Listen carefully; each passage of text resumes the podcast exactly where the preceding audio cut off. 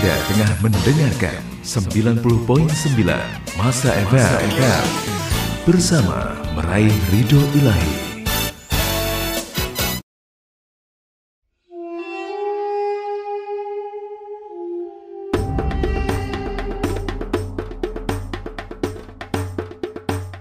Sesaat lagi Anda akan mendengarkan ceramah dari Buya Yahya.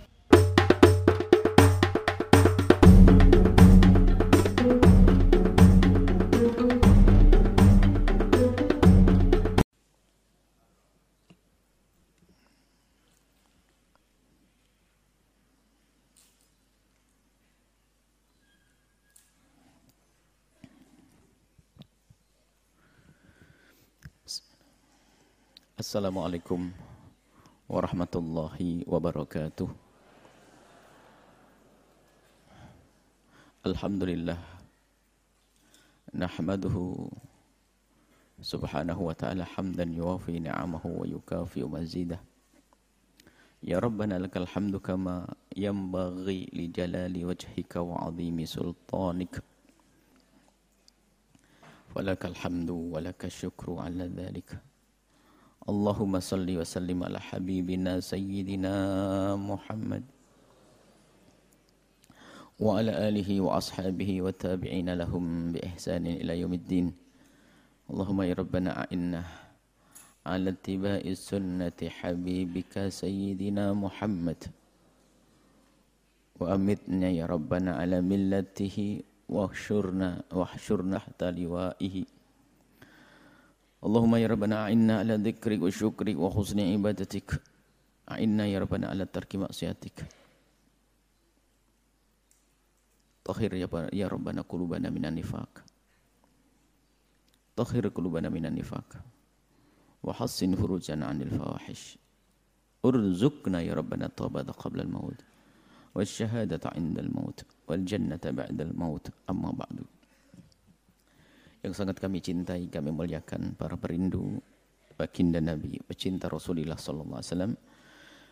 Alhamdulillah kita bisa berkumpul kembali untuk bersama-sama belajar membaca hadis Nabi sallallahu alaihi wasallam, belajar kenal agar semakin kita mencintai, kenal kepada Nabi agar kita semakin mencintai agar kita semakin mudah mengikuti sunnah beliau menjalankan perintah-perintah beliau dan menjauhi larangan-larangan beliau. Kita masih bersama di, di, bersama Imam Nawawi. Dengan kitab Riyadhus Shalihinnya kita sudah sampai kepada bab fadlid du'ai. Keutamaan berdoa. Qala Imam An-Nawawi rahimahullah taala nafa'ana Allahu bihi wa bi ulumihi wa bi ulumi masyayikhihi wa talamidati fi amin. Fi babi fadli doa bab fadli doa sudah sampai kepada hadis 1478 wa an Abi Bakrin As-Siddiq radhiyallahu taala anhu. Diriwayatkan oleh Sayyidina Abi Bakar. Dari Sayyidina Abu Bakar As-Siddiq semoga Allah senantiasa melimpahkan keridoan. Semoga Allah selalu ridho kepada Sayyidina Bakar As-Siddiq. Annahu qala di Rasulillah beliau bertanya kepada Nabi Muhammad berkata begini, "Alimni, ajarkan kepadaku ya Rasulullah doaan. Doaan doa. Ajari aku ya Rasulullah doa at'u bihi fi solati. Doa yang aku baca dalam solatku.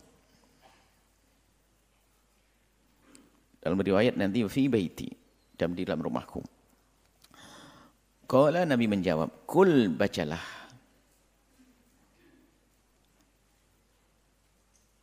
Bacalah berikut ini. Allahumma ya Allah. Ini sesungguhnya aku tu nafsi. Aku zalim kepada diriku sendiri. Zulman kathira. Kezaliman yang banyak. Ini iktiraf. Pengakuan. Mengakui dulu dong kalau pengen minta kepada Allah. Akui kekuranganmu, minta maaf nanti Allah akan kasih. Aku telah berbuat dolim kepada diriku sendiri. Dolim kepada dirinya sendiri misalnya mukul-mukul. Kan begitu, seolah-olah kan begitu. Tapi bukan itu saja. Zalim kepada diri sendiri adalah melakukan kemaksiatan. Yang artinya di saat seseorang melakukan kemaksiatan itu dia zalim kepada dirinya karena apa? Akan memasukkan tangannya ke neraka, badannya ke neraka, matanya ke neraka. Zalimnya nih bermaksiat itulah yang zalim kepada diri sendiri. Mata nih, kathiron banyak mata itu kan kita. Nabi yang berdoa, yang ngajari Nabi. Tapi Nabi nggak punya dosa. Tapi Nabi untuk kita. Ini doa yang diajarkan untuk umat beliau. Adapun baginda Nabi nggak ada kezaliman pada diri Nabi, tidak ada salah. Bahkan dijaga oleh Allah, maksum. Berarti biarpun Nabi pernah membaca doa-doa, tapi itu adalah pelajaran buat kita. Kita yang memerlukan doa ini. Zalamtu nafsi, aku telah berbuat zalim kepada diriku sendiri ya Allah. Dulman kathiran dengan kezaliman yang banyak, sesaat dengan mataku, sesaat dengan telingaku, sesaat dengan lesanku. Wala yaghfiru dzunuba illa anta dan aku tahu tidak ada yang mengampuni dosa ini kecuali Engkau ya Allah. Aku banyak dosa dan tidak ada yang bisa mengampuni kecuali Engkau ya Allah. Faghfirli, ampuni aku. Maghfiratan dengan pengampunan min indika darimu ya Allah. Aku minta pengampunan darimu ya Allah. Warhamni dan limpahkan kasih sayangmu kepada kami ya Allah. Minta kasih sayang dari Allah. Setelah diampuni diberi kasih sayang, sempurnalah dan itulah dua hal yang selalu dibutuhkan oleh seorang hamba. Maka kalau orang meninggal dunia pun doa yang paling penting adalah mahfirlahu warhamhu. Kalau sudah diampuni tidak disiksa. Kalau sudah dikasih kalau sudah Allah memberikan rahmat beres semuanya. Akan dapat semuanya. Innaka antal ghafur, sungguh engkau adalah Maha Pengampun, warrahim, ar-rahim yang Maha Pengasih. Muttafaqun alaih hadis diriwayatkan oleh Imam Bukhari dan Muslim. Wa fi dalam riwayat lain wa fi baiti ini doa bukan dibaca di saat sholat, tapi fi baiti di rumah memperbanyak doa ini. Waruya, waruya dulman kathiran waruya kabiran. Dulman kathiran adalah dulman kabiran. Ada sebagian riwayat bukan dulman kathira, bukan kezaliman yang banyak, atau dulman kabira, kezaliman yang amat-amat besar. Bitha'i al-muthallathi bil ba'i al-muwahhadati. Kadang riwayat dengan tha dengan ba. Kabir sama kathir. Fa yamba yujma' bainahuma maka sangat layak kalau doanya didobel. Dulman kathiron kabira. Wa Nabi Musa dari Sayyidina Musa radhiyallahu taala anhu semoga Allah senantiasa memberikan keridhaan kepada beliau. Anin Nabi sallallahu alaihi wasallam. Ini dari baginda Nabi wa annahu kana yad'u bihadzal du'a'i Nabi berdoa dengan doa berikut ini. Ingat, memang kita harus sudah benar-benar memperbanyak doa. Kita sering lupa kepada Allah. Begitu susahnya kita menjauhi kemaksiatan ya. Begitu susahnya kita menjauhi kemaksiatan. Yang bisa menjauhkan kita dari kemaksiatan ya Allah. Maka mintalah kepada Allah yang bisa membangunkan kita di tengah malam ya Allah. Yang memudahkan kita melakukan salat duha Allah. Yang menjadikan kita itu punya hati yang dermawan ya Allah. Maka perlu berdoa. Usaha zahir itu hanya separuh cara. Upaya, separuh upaya. Separuh yang lainnya adalah memohon kepada Allah. Ini Nabi berdoa. Siapa Nabi? Nabi adalah kekasih Allah. Enggak ada yang kurang. Nabi berdoa Allah maghfirli khati'ati. Ya Allah ampunilah kesalahanku. Ya Rasulullah kesalahan apa yang terjadi padamu? Enggak ada salah. Bahkan dalam riwayat lain Nabi itu beristighfar setiap majlis begini 70 kali. Tidak kurang dari 70 kali. Tidak punya dosa tapi istighfarnya kayak orang kebanyakan dosa.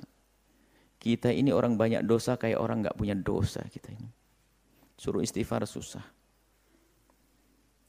Allahumma firli khati'ati. Ya Allah ampunilah kesalahanku. Wajahli dan kebodohanku. Kebodohan di sini maknanya adalah perilaku yang bodoh. Kalau bagi kita masuk akal, bagi Nabi tidak.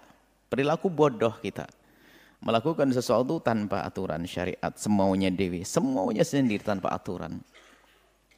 Wa israfi fi amri Israfi fi amri dan berlebihan dalam urusanku. Maksudnya pelanggaran-pelanggaran dalam segala yang aku lakukan. Banyak pelanggaran melewati batas kita itu. Ada hudud itu batas.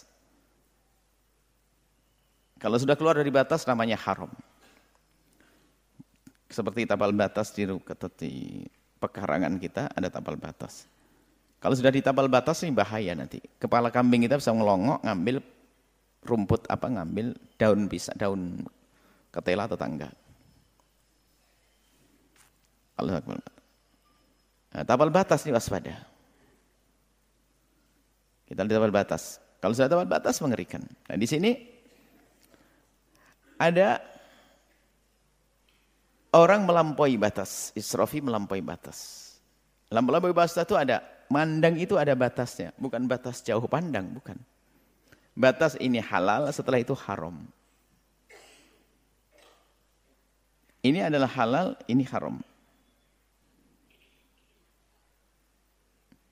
Ini perempuan yang halal saya lihat, ini haram saya lihat. Ini sesuatu yang halal saya lihat, itu haram saya lihat. Nah ini sudah kalau keluar dari halal maka masuk wilayah haram. Maka perhatikan pandanganmu. Belum lagi lesan juga ada israf. Ngomong boleh.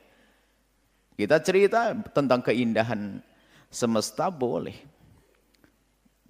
Bukan bicara tentang menyanjung Nabi, jelas menyanjung Nabi adalah pahala. Berselawat pahala, tapi berbicara tentang sesuatu boleh. Tapi kalau sudah melampaui batas, nggak boleh nanti. Masuk wilayah dusta. Jadi ada melampaui batasnya lesan, itu ada. Tangan digunakan untuk menolong orang lain. Tapi kalau digunakan untuk memukul, mencuri, melampaui batas. Ini ya Rasul, ya Allah ampuni perilakuku yang melampaui batas ini. Ini kan bukan untuk Nabi sebetulnya, untuk kita. Wa anta alamu dan engkau yang lebih tahu apa yang aku lakukan. Ampuni ya Allah, yang engkau lebih tahu. Dosa-dosa kita ini Allah lebih tahu, yang kita kadang tak mampu menghitungnya dan tidak akan bisa kita menghitungnya, tapi Allah Maha tahu tentang dosa kita. Allah firli jiddi wa hazli. Ya Allah ampunilah aku. Dalam kesungguhanku dan dalam main-mainku. Kadang orang nasibnya nasib buruk. Maksiat itu serius diniati. Ada orang memang nasibnya buruk. Enggak sengaja pun maksiat. Hazli. Jadi orang kalau tidak dipilih oleh Allah itu lihat maksiatnya itu direncanakan ada. Kadang enggak direncanakan pun jatuh maksiat. Padahal mau keluar ya mau beli sesuatu. Cuman dasar dia tidak dipilih oleh Allah di jalan maksiat dia. Sambil beli nyopet. Dasar manusia terhinakan tidak mulia, tidak dijaga. Dia pergi ke mana belanja, tahu sambil zina di sana. Enggak sengaja.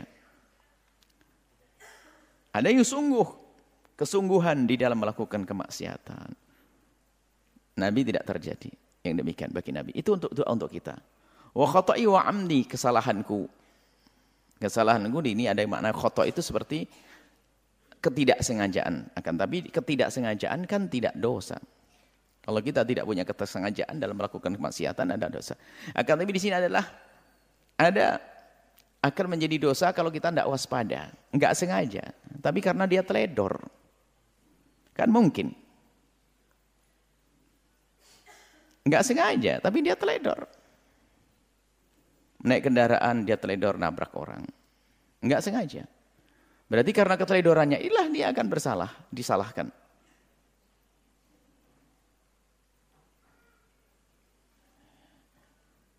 Di tempat keramaian. Jalan bawa pisau begini. Tiba-tiba nusuk orang. Boleh dia ngomong nggak sengaja kan? Saya nggak sengaja bawa sini. Kenapa kamu nggak lihat saya? Yang aneh kamu di keramaian bawa pisau begitu. Jadi ada namanya khotok di sini tidak sengaja dan memang ketidaksengajaan tidak ada hukuman. Tapi kalau ketidaksengajaannya dihadirkan hadir yang karena keteledoran perlu mohon ampun. Seorang perempuan tidak melakukan tidak ber, tidak berniat zina. Kemudian suatu ketika diperkosa sama orang naudzubillah. Semoga Allah menjauhkan dari sebab kehinaan. Memang diperkosa tidak dia, dia tidak tidak berdosa. Cuman dia tuh keluarnya dengan baju yang seronok mengundang orang punya syahwat. Ayo. Ini loh ya. Zinanya tidak disengaja sama dia. Tapi dia telah menjadikan sebab orang melakukan dosa. Semoga Allah menjauhkan kita dari kehinaan.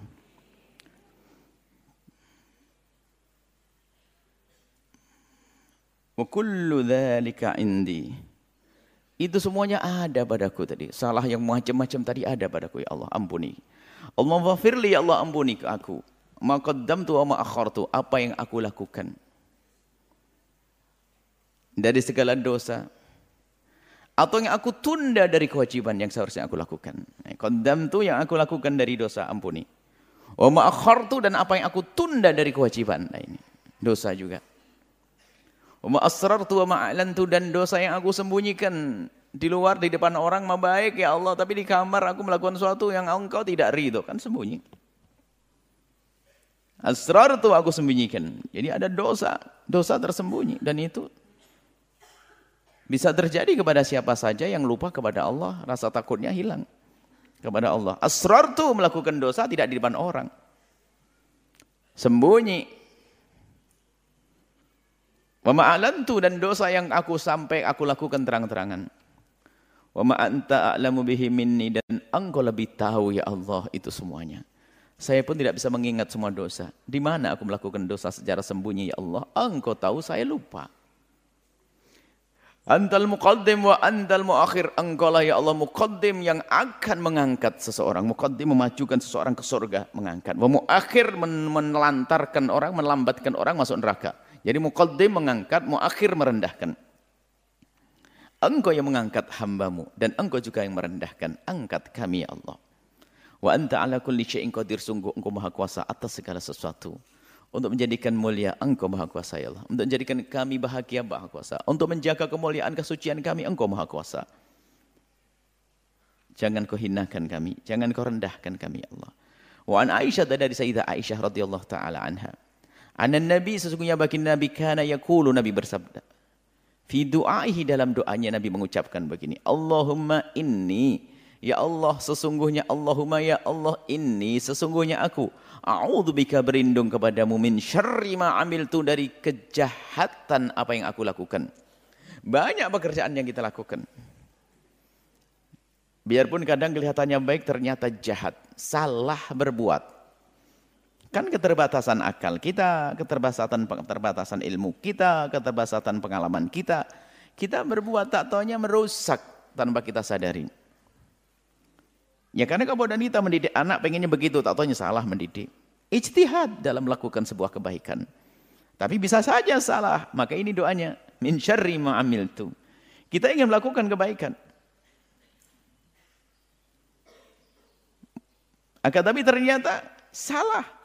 Mungkin kita menolong seseorang, kita angkat kehidupannya dia. Tak taunya dengan kita angkat, malah dia menjadi ahli maksiat yang besar. Lah ini kan kita tujuan kita baik tapi ternyata hasilnya tidak baik. Itu kan Allah yang maha tahu. Nah kita minta perlindungan dari Allah agar kita tidak masuk wilayah seperti itu.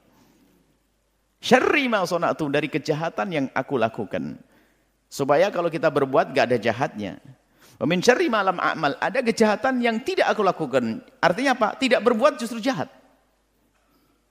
aneh nggak berbuat jahat iya syarri malam amal ma kejelekan yang tidak aku lakukan. Misalnya, Anda juru damai. Bisa berucap lalu akan ter terjadilah perdamaian. Diam. Ada orang bersengketa, Anda bisa ngomong. Sehingga dia tidak bersengketa. Lah kok diam? Akhirnya terus bersengketa. Dosa. Diam tapi dosa. Jangan dianggap diam semuanya enggak dosa. Mending diam. Lo diam itu dosa. Wong lihat kemungkaran di depan matamu kok biarkan dosa itu syarri malam amal. Itu. Min syarri malam amal itu. Diam dosa itu. Jangan dianggap yang dosa yang ngomong saja. Enggak, diam juga dosa. Anda punya kemampuan merubah. Kemaksiatan tapi Anda diam dosa. Rawahu Muslim hadis riwayat Muslim. Mu'an bin Umar dari Sayyidina Abdullah bin Umar radhiyallahu taala anhu qala beliau berkata, "Kana min du'ai Rasulillah termasuk doa baginda Nabi. Ini doa-doa semuanya sambil diamini saja nantinya. Ini doanya Nabi. Allahumma ya Allah, ini sesungguhnya aku a'udzubika min zawali ni'matika. Aku berlindung kepadamu dari kau cabut hilangnya nikmatmu ya Allah. Nikmat kan Allah berikan kepada kita. Apa nikmat Allah? La tuhso. Enggak bisa kita. Menghitung nikmat Allah enggak bisa. Jangan dianggap nikmat itu hanya sekedar harta. Bukan. Sehatan. Bukan itu saja. Teramat banyak. Bukan sekedar kamu diberi pasangan lalu itu udah nikmat. Bukan. Nanti lebih dari itu anak, ada kebahagiaan, ada macam-macam. Harta banyak. Jadi kenikmatan dari Allah itu banyak sekali. Dan Allah bisa mencabut kenikmatan-kenikmatan tersebut. Kapan saja. Tapi kita minta perlindungan. Dan kadang dicabut tidak sadar dia itu. Enggak sadar. Dan kadang memang subhanallah kalau sudah dicabut kenikmatan menjadi tidak nikmat lagi. Ada yang secara secara secara terindra contoh ya. Kita di rumah lengkap dengan bermacam-macam bahan makanan. Pengen buat apa saja boleh.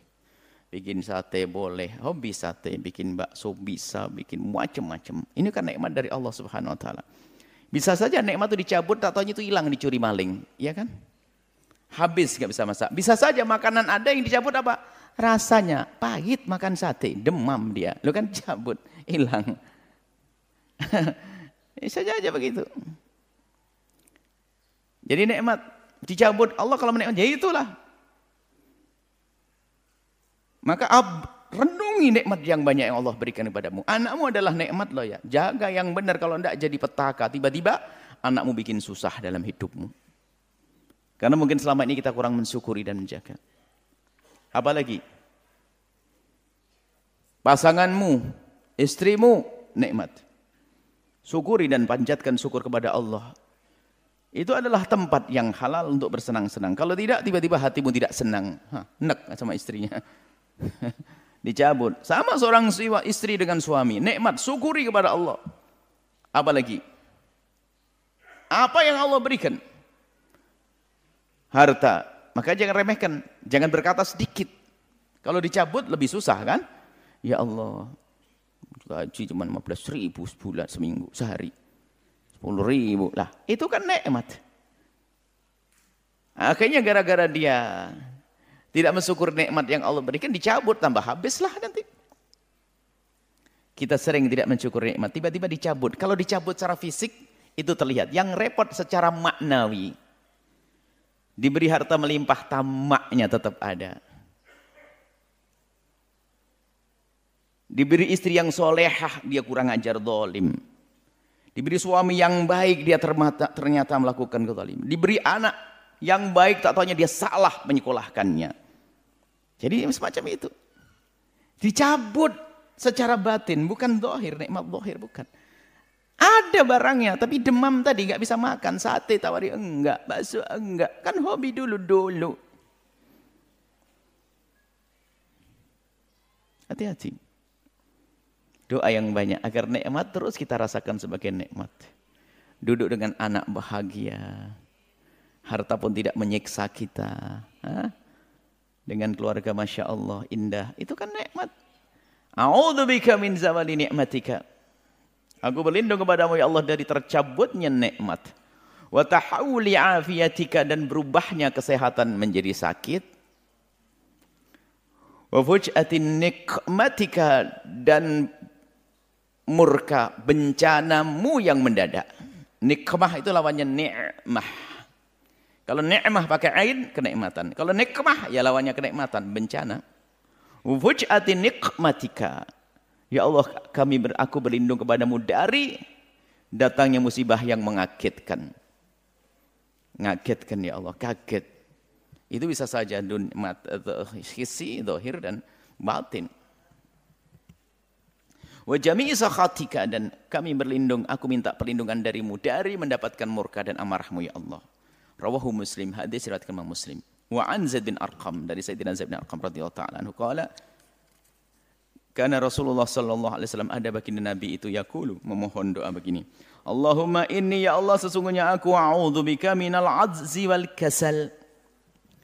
Aku minta kepadamu ya Allah perlindungan darimu ya Allah agar kau jauhkan kami dari ajiz, malas, lemah. Ajis itu lemah. Lemah hati dalam menjalani kehidupan yang baik. Sehingga apa? Mudah kepleset. Lemah semangat dalam berjuang sehingga menjadi pemalas dalam berjuang. Lemah, ajis itu sifatnya umum, luas. Aja ajis lemahnya fisik, sakit-sakitan. Tapi apakah orang yang tidak beribadah itu pasti orang karena karena orang sakit? Oh enggak.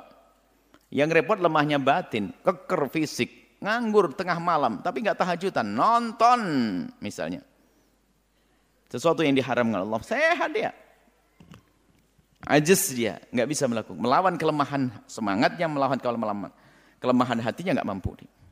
Wal kasal malas. Nah, kita minta, minta diajari Nabi untuk berlindung dari namanya malas. Malas itu Masya Allah, malas.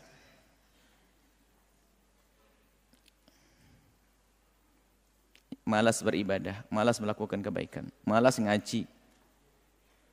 Wal bukhl, pelit pelit. Ini betul bang, belum baca ini. Kemarin kayak bahas masalah pelit. Orang pelit itu doa ya Allah jauhkan aku dari pelit. Doa begitu berat. Orang pelit itu takut doa dijauhkan dari pelit. Cangking pelitnya dia. Ya Allah.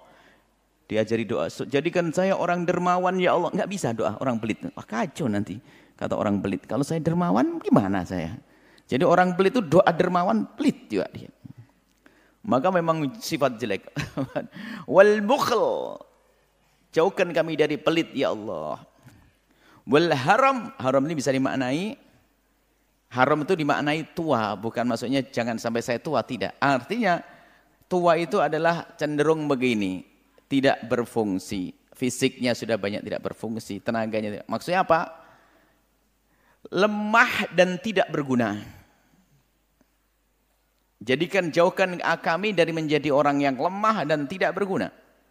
Bukan orang tua tidak berguna, akan tapi lihat pahalanya tetap mengalir. Misalnya orang tua yang di masa mudanya rajin beribadah. Sholat, puasa, tak tahunya giliran tua sakit. Sepanjang dia sakit dapat pahala. Cuma secara dohir kan dia tidur saja. Enggak ngapa-ngapain. Nah itu haram. Yang hendaknya kita jauhkan di masa muda kok kayak orang tua. begitu. Tapi orang tua yang masa mudanya beribadah, pahalanya terus mengalir. Allah maha tahu ini dulu masa mudanya rajin ngaji. Rajin ibadah masa tuanya ternyata tidak bisa ke mana-mana, tidak bisa keluar, pahalanya tetap mengalir. Tapi secara zahir dia tidak ke mana-mana. Nah, itu haram. Ya Allah jauhkan kami dari orang yang pengangguran. Lemah dan tidak berguna. Wa'adabi al-qabri. Dan jauhkan kami ya Allah. Kami minta perlindungan darimu agar kau jauhkan dari dari kubur, siksa kubur. Siksa kubur ada. Semoga Allah menjauhkan kita dari siksa kubur. Allahumma ati nafsi taqwaha Ya Allah berikan kepadaku ketakwaan ya Allah. At-taqwa inna akramakum indallahi atqakum. Yang mengangkat derajat seorang hamba adalah ketakwaan. Ketakwaan terbaca dari zahir perilaku, pandangan sejuk, kalimat indah, perilaku yang menyenangkan itu. Cuman pada hakikatnya at-taqwa dari sumber hati. At-taqwa hahuna kata Nabi di dalam hatimu yang selalu ingin sambung dengan Allah, takut kepada Allah dan sambung dan berbuat baik kepada sesama. Keserasian dua sayap. Pertama adalah hubungan dengan Allah, yang kedua adalah hubungan dengan sesama manusia. Itu takwa. Allahumma ati nafsi taqwa ya Allah jadikan aku orang bertakwa ya ati datangkanlah nafsi kepada diriku taqwaha ketakwaannya. Itu dari Allah, ilham dari Allah. Fa'alhamaha fujuraha wa taqwaha. Ada ilham kebaikan. Dari Allah. Nanti ada bisikan-bisikan busuk, fujur. Dari iblis. Wa zakkiha. Sucikan jiwa kami ya Allah. Dari kekotoran-kekotorannya. Dari kedengkian, kebencian, dendam, rindu melakukan kemaksiatan, tidak syukur nikmat, kekikiran, Bersihkan wa anta khairu man zakkaha. Engkau adalah sebaik-baik zat yang bisa mensucikan jiwa kami. Anta waliyuha wa mula. Engkau yang memiliki, yang menguasai dan engkau yang mengurusinya ya Allah. Allahumma inni a'udzubika min ilmin la yanfa'. Ya Allah, aku berlindung kepadamu dari mendapatkan ilmu yang tidak bermanfaat. Ilmu banyak. Apalagi hari ini kemudahan Allah berikan agar kita bisa tahu ini dan itu. Tapi ada tahu berbahaya. Ini kan ilmu nggak manfaat. Tahu tapi berbahaya. Ilmu layan fa, ilmu yang tidak bermanfaat. Kita tahu tapi berbahaya. Maka lebih baik tidak tahu kan begitu. Tapi tidak tahu itu juga nggak baik. Maka pengennya tahu yang baik gitu loh. Ilmu yang manfaat. Wa min qalbin la yakhsha. Kami minta perlindungan darimu ya Allah. Dari mempunyai hati yang tidak khusyuk. Khusyuk ini adalah hatinya sujud kepada Allah, hatinya terus sambung kepada Allah. Biarpun dia urusannya dengan hiruk pikuk dunia, kebiar dunia, tapi hatinya bisa saja khusyuk kepada Allah. Karena urusan hati qalbin la yakhsha. Yang selalu ingat kepada Allah. Dan ini enggak ada jaminan ilmu, tidak punya ilmu. Ada orang awam, awam, awam, tapi hatinya dengan Allah ada. Orang yang awam, ilmu enggak, enggak ada. Tapi ternyata hatinya selalu dengan Allah. Wa min nafsin la tashba dari jiwa yang tidak pernah puas, tamak terus naudzubillah. Ah ini repot. Lah ini tadi. Kekayaan sebanyak apa pun tapi kalau jiwanya tamak seperti orang melarat. Tapi kalau jiwanya jiwa yang konu, konu adalah yang sangat mudah bersyukur apa yang Allah berikan lihat. Apa yang Allah berikan rizki kepadamu? Syukur yang ada dan jangan biasa mengingkari nikmat. Nanti kalau sudah engkau mengingkari nikmat akan dijauhkan nikmat dan mungkin tidak datang lagi. Jangan biasa membuat rezeki, membuang rezeki. Makanya jangan biasakan kalau makan nyisakan makanan. Ha? Makan secukupnya. Bisa jadi itu sebab kefakiranmu di masa yang akan datang. Karena engkau men men men men menyia-nyiakan karunia Allah. Apa yang Allah berikan kepadamu? Maka syukur itulah yang menjadikan orang puas. Kemarin nasihat-nasihat untuk anak-anak. Agar selalu berterima kasih kepada orang tuanya. Dan tidak akan bosan orang tua mendengar kalimat terima kasih dari anaknya. Ibu terima kasih, ibu izinkan aku tinggal di pondok. Diulang-ulang gak akan bosan orang tua. Dan semakin serius engkau dalam berucap, semakin senang hatimu. Coba Istri terima kasih kepada suami, terima kasih. Suami berterima kasih kepada istri, Masya Allah. Tentu semuanya dengan segala kekurangannya. Oh, kita dengan manusia, kenikahmu kan dengan manusia. Bergurumu dengan manusia. Temanmu juga manusia. Ya tentu ada kekurangannya, kecuali kamu sudah bergaul dengan malaikat. Tapi yang bikin terseksa adalah ketamaanmu nggak pernah terima kasih. Padahal istri mah baik. Cuma dasar laki-laki kurang bersyukur lihat. Nggak terima kasih, capek hidupnya. Dan akan capek terus itu. Nggak terima kasih dengan istrinya. Waduh. Ada orang sifat jelek nggak bisa terima kasih. Kalau sudah tahu istrinya baik, dia tuh senang-senang. Memang kita harus dia kayaknya laki-laki itu harus kasih istri yang punya cakar panjang gitu. Baru dia selamat dia. Kalau istrinya baik, dipolah-polah, di, dikerjain. Ada juga seorang istri yang Masya Allah, suaminya baik, tapi uh, ada yang ngadu kepada saya begitu, bikin gemes saja itu. Nah emang kelihatannya dia kayaknya harus kasih suami yang yang agak serem begitu kayaknya. Itu karena tidak syukur. Loh, tidak akan puas diberi seberapa pun kasih 100 ribu sehari kurang 200 kurang 1 juta kurang. Karena yang kurang bukan sesuatunya tapi yang kurang hatinya tadi ini. La tashba. Jiwa yang tidak pernah puas. Wa min da'watin najtajabu laha dan minta perlindungan darimu ya Allah agar doaku ini tidak doa yang ditolak, ingin menjadi doa yang dikabul. Rawahu Muslim. Wa an Ibn Abbas jadi Sayyidina Abdullah bin Abbas radhiyallahu ta'ala anhumah Semoga Allah senantiasa memberikan keridhaan kepada Sayyidina Abdullah bin Abbas dan Sayyidina Abbas. Anna Rasulullah sesungguhnya bagi Nabi kana yakulu Nabi berdoa. Allahumma ya Allah laka aslamtu. Kepadamu lah ya Allah aku serahkan diriku. Hatiku, jiwaku. Wabika amantu dan kepadamu lah aku meyakini aku beriman. Engkau sebagai Tuhanku ya Allah. Serahkan diriku aku serahkan diriku kepadamu ya Allah. Dan aku beriman kepadamu. Wa alaika tawakkaltu dan kepadamu lah aku pasrahkan Usaha-usahaku, kalau sudah kata tawakal, kalau aslam itu tadi sebelum melakukan apa-apa, serahkan urusanmu kepada Allah. Nanti Allah yang akan mengurusimu. Kemudian kita diperintahkan untuk berusaha. Dan dalam berusaha harus dengan keyakinan bahwasanya yang mengkabul nanti adalah Allah. Amantu bika. Bika amantu. Setelah engkau berusaha, jangan mengandalkan kehebatanmu dalam berusaha. Tapi serahkan. Wa alaika tawakkaltu.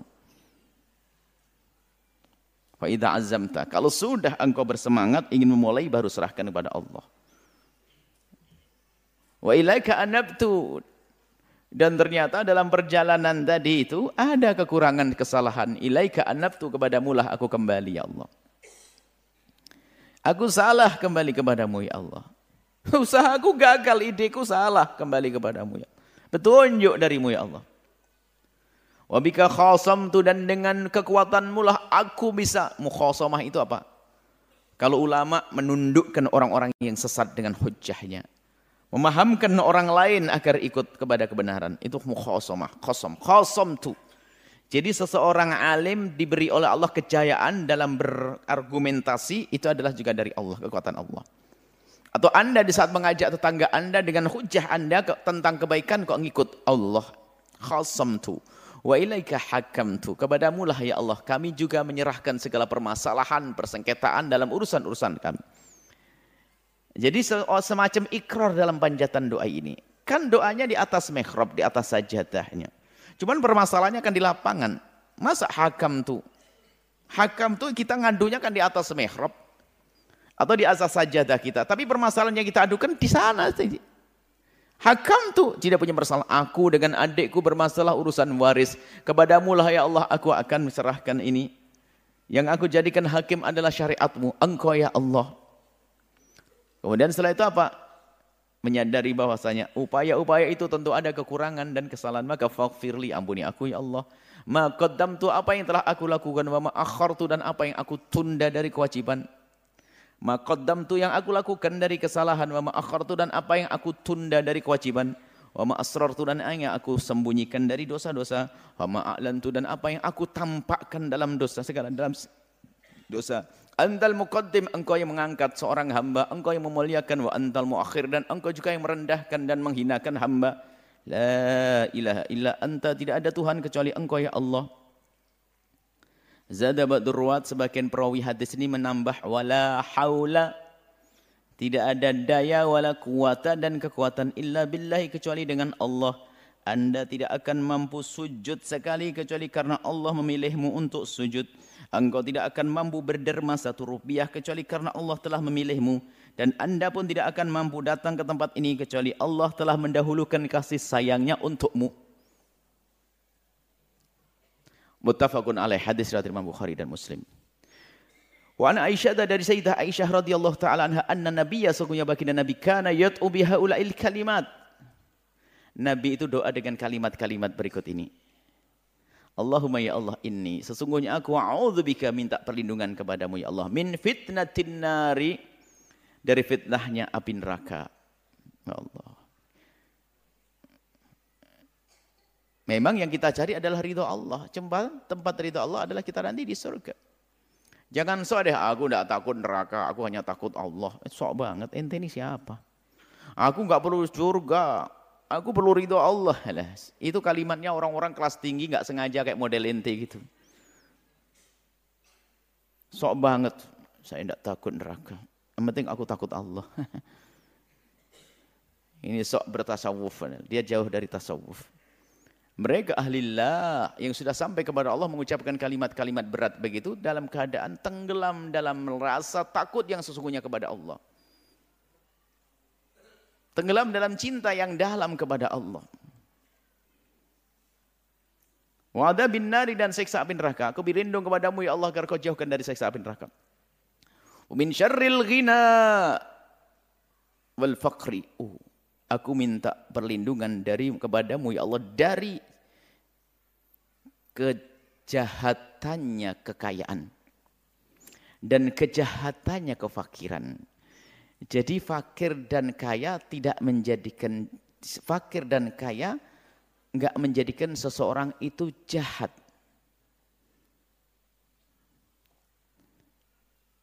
Akan tetapi kejahatan adalah pada seseorang yang jika dia kaya jahat.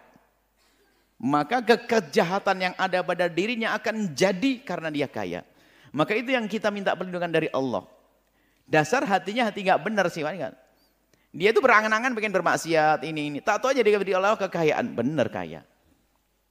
Jadi orang kaya tidak jaminan dia masuk neraka. Atau orang fakir jaminan masuk surga, enggak. Bukan ada urusannya si kaya dan si melarat. Ada orang kaya di surga. Bahkan ada raja masuk surga, Raja Sulaiman, Raja Daud. Orang kaya masuk surga, Abdurrahman bin Auf termasuk bin al-ashrah al-mubashirina bil jannati. 10 orang yang dapat kabar gembira masuk surga. Abdurrahman bin Auf kaya. Jadi gak ada urusan dengan kaya dan melarat. Orang melarat Ammar bin Yasir, Bilal bin Rabah, fakir, fakir, fakir, Abu Hurairah, fakir, ahli surga semuanya. Tapi di balik kekayaan ini ada kejahatannya yang tanpa disadari. Dulu dia saat dia fakir, Masya Allah. Ngaji marajin, tapi giliran kaya lupa. Jadi nggak sholat. Maksiatnya banyak. Wah, na'udzubillah. Itu berarti bakat maksiat di saat kaya. Maka syarril ghina, kejahatan di saat kaya. Dulu waktu kaya cukup sering ngaji, tak tahunya diuji oleh Allah dengan sedikit saja problem ekonominya sudah enggak ke masjid, enggak sholat. Syarril fakri. Fakir yang jahat itu. Ya itu. Tapi orang hebat gak akan berubah. Karena dia dengan Allah di saat kaya baik, di saat melarat baik. Kaya dan melarat tidak akan merubah keadaannya dengan Allah.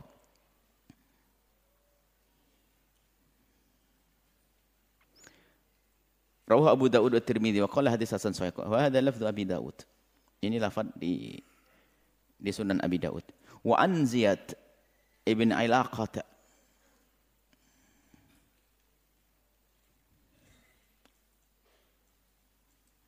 Dari Ziyad bin Ilaqah. An ammihi, beliau meriwayatkan dari pamannya bahwa pamannya namanya adalah mana tadi? Qutbah bin Malik radhiyallahu taala anhu. Qala beliau berkata, ini Ziyad ini berkata dari dari Sayyidina Qutbah bin Malik berkata, "Kana Nabi ini sab. Ada baginda Nabi itu yaqulu membaca doa berikut ini. Allahumma inni a'udzubika min munkaratil akhlaqi. Ya Allah, aku berlindung kepadamu agar kau jauhkan dari akhlak yang jelek.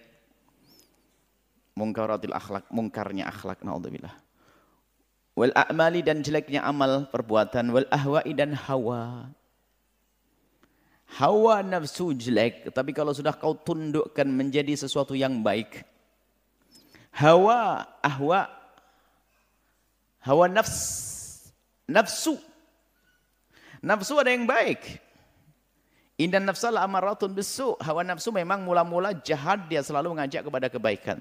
Tapi kalau terus dilatih dan ditundukkan akan menjadi nafsu yang radiyah mardiyah. Yang diridhoi oleh Allah. Mula-mula selalu mengajak kepada kejahatan. Tapi harus terus kita tempa. Kita lawan namanya lawamah. Kita lawan nafsu. Jadi ada nafsu yang jahat. Kita minta perlindungan kepada Allah agar dijauhkan daripada kejahatan hawa nafsu. Wan syakrin Ibn Humaid radhiyallahu dari Syakil Ibn Humaid radhiyallahu anhu qala beliau berkata, "Qultu aku bertanya, ya Rasulullah wahai Rasulullah, alimni du'aan ajari kepadaku doa." Qala Nabi mengajarkan, "Kul bacalah Allahumma inni a'udzubika min syarri sam'i." Ya Allah, aku berlindung kepadamu agar kau jauhkan aku dari jahatnya pendengaran ya Allah. Jangan kau perdengarkan kepada telinga kami yang jahat ya Allah. Jangan sampai aku mendengar gunjingan, fitnah, kalimat kotor yang bangkitkan syahwat. Ini juga nasib buruk. Ada orang dengar jelek terus karena kumpulnya bersama orang-orang jelek. Sesaat dengar fitnah sana, gunjingan sana. Masya Allah, habislah pahalanya. Gara-gara kuping. Permusuhan. Kebencian. Maka tolong filter dong yang kau dengar. Tidak semuanya bisa didengar. Bahkan yang repot kalau sudah masuk itu harus ada di sini antara telinga dengan hati itu harus ada. Masukkan dulu pikiran dulu dikontrol oleh pikiran yang dikenal syariat ini. Benar enggak ini? Jangan langsung percaya omongan orang. Oh gitu ya jadinya. Astagfirullah. Padahal gunjingan dia. Enggak, pikir dulu. Syariat boleh enggak begitu? Ngizinkan enggak? Merenung. Jadi langsung blok itu enggak, kuping ini jendela. Tapi sebelum masuk ke hatimu harus kau cermati dengan pikiranmu yang digabungkan dengan syariat. Syarri sam'i, jeleknya yang kita dengar. Min syarri basari ya Allah. Jauhkan kami dari jahatnya pandangan Allah. Pandang. Sering doa ini deh biar lesan kita, biar telinga kita benar, pandangan kita benar. Kemaksiatan kan begitu mudah, nggak sengaja. Pengennya dengar ceramah di YouTube, tak tahu ada lewat syaiton. Dan harus kita merasa sedih banget ya. Pengen lihat yang baik, tapi terlampak yang tidak baik. Cuman karena sering baca doa ini, kemudian dikabul oleh Allah, ya gak senang dibuang. Wa min syarri lisani dari jahat lisan. Bertutur kata. Jahatnya lisan itu ada satu berdusta. Ngadu domba. Banyak. Ada orang sifatnya ngadu domba. Sifatnya ngadu domba. Lisan, syar lisan. Menjadikan orang bermusuhan.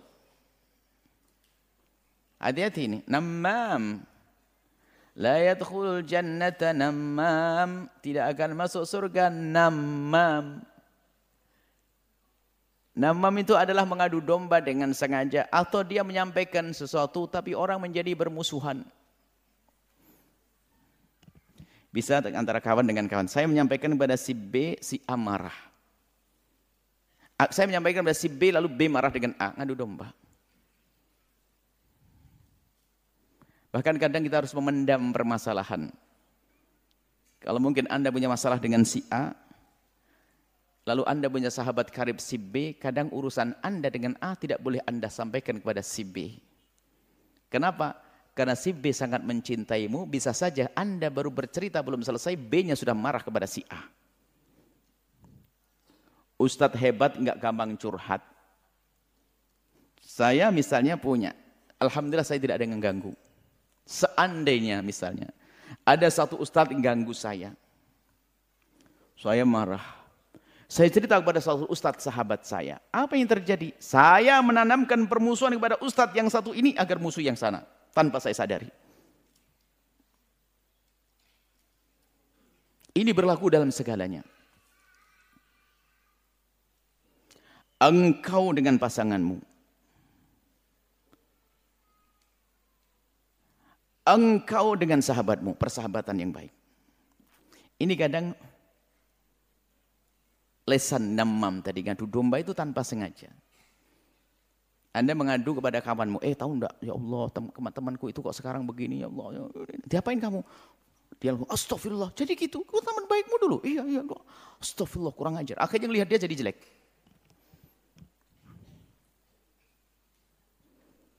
Atau karena lesannya tidak fasih, nasibnya nasib pengadu domba nggak sengaja. Ngomong nggak beres. Nah ini bahaya sekali. Ini seri lisani. Termasuk urusan keluarga, ini hati-hati. Kakak adik bisa bermusuhan. Kakak adik ini setannya masuk. Yang ngomporin. Kamu, kamu kan baru dapat warisan ya? Belum, belum. Astagfirullah. Belum. Padahal gak ada masalah dia. Astagfirullah. Wajib itu harus. harus pakai syariat lagi kayaknya. Kalau Rasulullah Sallallahu Alaihi Wasallam pakai dalil. Ngadu domba pakai hadis. Wong sudah tentrem ayam. Ada model begini. Memang nasibnya pengadu domba. Hei suami, punya masalah setengah istri ngadu kepada bapakmu sendiri. Bapakmu musuhan sama mantunya. Suami hebat suruhat kamu. Bah, Mi, kenapa? Istri, kenapa istrimu? Masalah, ah kurang ajar mantu saya. Ha, dimarahin. Akhirnya mantunya dilabrak. Enggak enak kan? Istri yang solehah punya masalah ngadu ke bapakmu sendiri. Ibumu sendiri. Bermasalah nanti. Jangan mudah mengadu kecuali memang untuk sebuah solusi. Khawatir terjadi permusuhan. Oh Ustaz, makanya ada salah satu anak ngadu kepada anak santri yang sudah mulai berdakwah ngadu pada saya tentang permasalahan dengan ustadz lain. Oh marah habis. Kalau ngadu sekali lagi nggak usah jadi ustadz, balik jadi santri. Santrinya santri yang paling berat nanti. Jadi jangan mudah menyampaikan sesuatu kepada orang lain kecuali Anda yakin tidak akan bermasalah. Sehingga banyak kakak beradik bermusuhan gara-gara sering cerita. Suami istri retak gara-gara sering cerita. Sahabatan retak gara-gara ini. Masuk lesannya ketemu dengan lesan yang lesan syar tadi. Syarri lisan, pengadu domba. Hari ini pengadu domba, pengadu domba, kelas YouTube viral. Astagfirullah. Wah, top.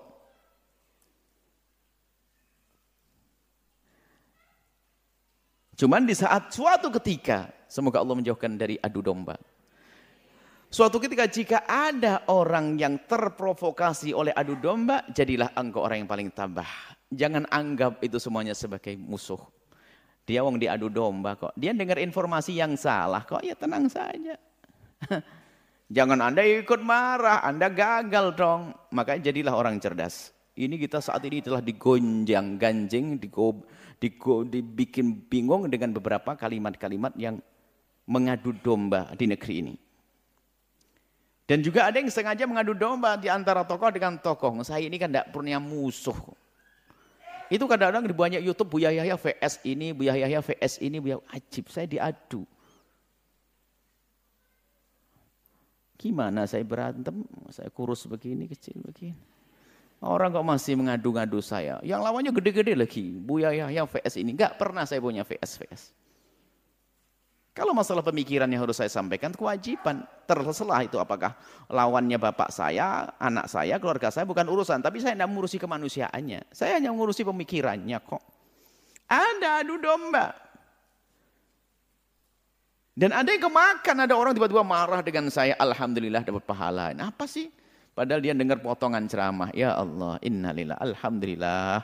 Lumayan sarapan pagi. Dimarahi orang, ya ada masalah. Tenang aja, oh enggak kurang kok, Alhamdulillah. Justru kalau saya pikir ini sakit jantung nanti. Tenang aja, Alhamdulillah. Langsung ambil es teh yang seger itu. Hmm, es degan kalau perlu, aman. Nggak perlu deh, Astagfirullah, kurang ajar. Baik. Syarri lesani, awas lesanmu. Mintalah perlindungan kepada Allah agar lesanmu dijaga. Kalau ngomong sama teman tidak menjadi sebab permusuhan. Kalau ngomong sama suami tidak menjadi sebab permusuhan. Kalau ngomong kepada orang tua tidak sebab permusuhan. Kalau ngomong kepada saudara enggak sebab permusuhan. Hati-hati. Wa min syarri qalbi dari jeleknya hati, prasangka buruk, mendendam. Masih banyak. Wa Anas radhiyallahu taala anhu dari Sayyidina Anas, anna Nabi sungguh Nabi kana yaqumu yaqulu beliau berdoa, Allahumma inni a'udzubika minal baras. Ya Allah, aku minta perlindungan. Jadi minta perlindungan kepada Allah bukan dari hal-hal yang sifatnya ma'nawi tadi. Dosa-dosa yang sifatnya akhlak tapi baras penyakit. Baras itu penyakit yang terjadi pada kulit. Lalu ada perubahan warna, belang dan sebagainya. Itu baros. Penyakit. Wal junun gila Ya, gila itu macam-macam hari ini, gila harta, gila tahta, nggak jadi DPR naik pohon kelapa. Ada kan, stres, bajunya dibuang. Nyumbang ke masjid ditarik lagi karpetnya, itu kan gila halus, kan jadi bahan tertawan. Saat cucunya pun malu, Mbah sedekah ke masjid ditarik lagi, karena sudah gila dia, gila. Kan ada begitu ceritanya ya. Mau jadi alundaf, nyumbang karpet masjid, nggak jadi ditarik lagi. Kan yang malu anak cucunya dia. Sudah nggak dapat pahala, bikin malu lagi. Gila, tapi ini gila adalah hilangnya akal. Gila. Wal judam. Judam adalah penyakit yang menjadikan sebab akan terputus-putuslah ruas-ruas jemari. Lepra. il asqam dan penyakit-penyakit yang jelek. Macam-macam. Ada corona, ada aid, ada mintalah perlindungan kepada Allah. Dan Allah bisa menimpakan kepada siapa saja. Yang beriman juga bisa ditimpakan. Tapi mintalah kepada Allah agar Allah menjauhkan. Rahu Abu Daud. Bisnadin sahih. Wa Nabi Hurairah dari Abi Hurairah radhiyallahu taala anhu. Karena Rasulullah yaqul Nabi membaca doa, Allahumma inna a'udzubika minal ju'. Ya Allah, aku minta perlindungan darimu dari lapar. Lapar yang menghimpit, lapar yang menyakitkan. Fa innahum bi sebaik-baik eh, sejelek-jelek hal yang menyertai kita adalah kelaparan yang berlebihan. Kalau lapar saja wajar. Tapi kelaparan yang berlebihan adalah hal yang tidak baik. Bukan berarti kita harus kenyang terus tidak. Memang kita harus melakukan lapar yang wajar. Mukaddimah enak di saat makan, tapi kalau lapar berlebihan Nabi minta perlindungan. Karena dengan lapar yang berlebihan bisa saja terjadi bermacam-macam, pencurian, perampokan, segala macam karena lapar yang berlebihan tadi. Wa'udzubika minal khiyanati dan aku berlindung kepadamu dari menjadi pengkhianat. Jadi khianat. Fa innaha bi'satil bitonatu. Sejelek-jelek sejelek-jelek akhlak adalah khianat, enggak bisa dipercaya. Jadi istri enggak benar. Jadi suami enggak amanat. Jadi apa pun, jadi kiai pun juga enggak amanat. Duit pondok jadikan anting. Bisa jadi masalah khianat itu penyakit. Sebaik sejelek-jelek akhlak yang menyertaimu adalah al-khiyanatu, khianat. Rahu Abu Dawud isnadin sahih Abu Dawud. Si banyak. Harus khatam ini malam. Bab doa ini harus selesai. Oh banyak sih. Tidak bisa selesai. Baik sampai di sini insyaallah. Semoga Allah memberikan pada kita segala kebaikan, mengkabul doa-doa kita. Ini banyak doa ya, banyak doa. Kalaupun nanti yang tidak hafal dengan doanya bahasa Arab, ya doa bahasa Indonesia saja. Cuman ingat, sudah pernah kami sampaikan, sebaik-baik doa adalah doa yang pernah dipanjatkan oleh Rasul. Kalau bisa dengan lafadznya Rasulullah, kalau nggak bisa dengan lafadznya Rasulullah paling makna yang pernah disebut Rasulullah. Tadi yang disebutkan tadi minta rentet satu-satu. Itu penting semuanya. Sampai urusan penyakit dohir. Dirubah ya Allah jauhkan aku dari kudis. Ya boleh. Hmm? Bisa saja. Wong intinya mengadu kepada Allah. Begitu. Wallahu a'lam bissawab.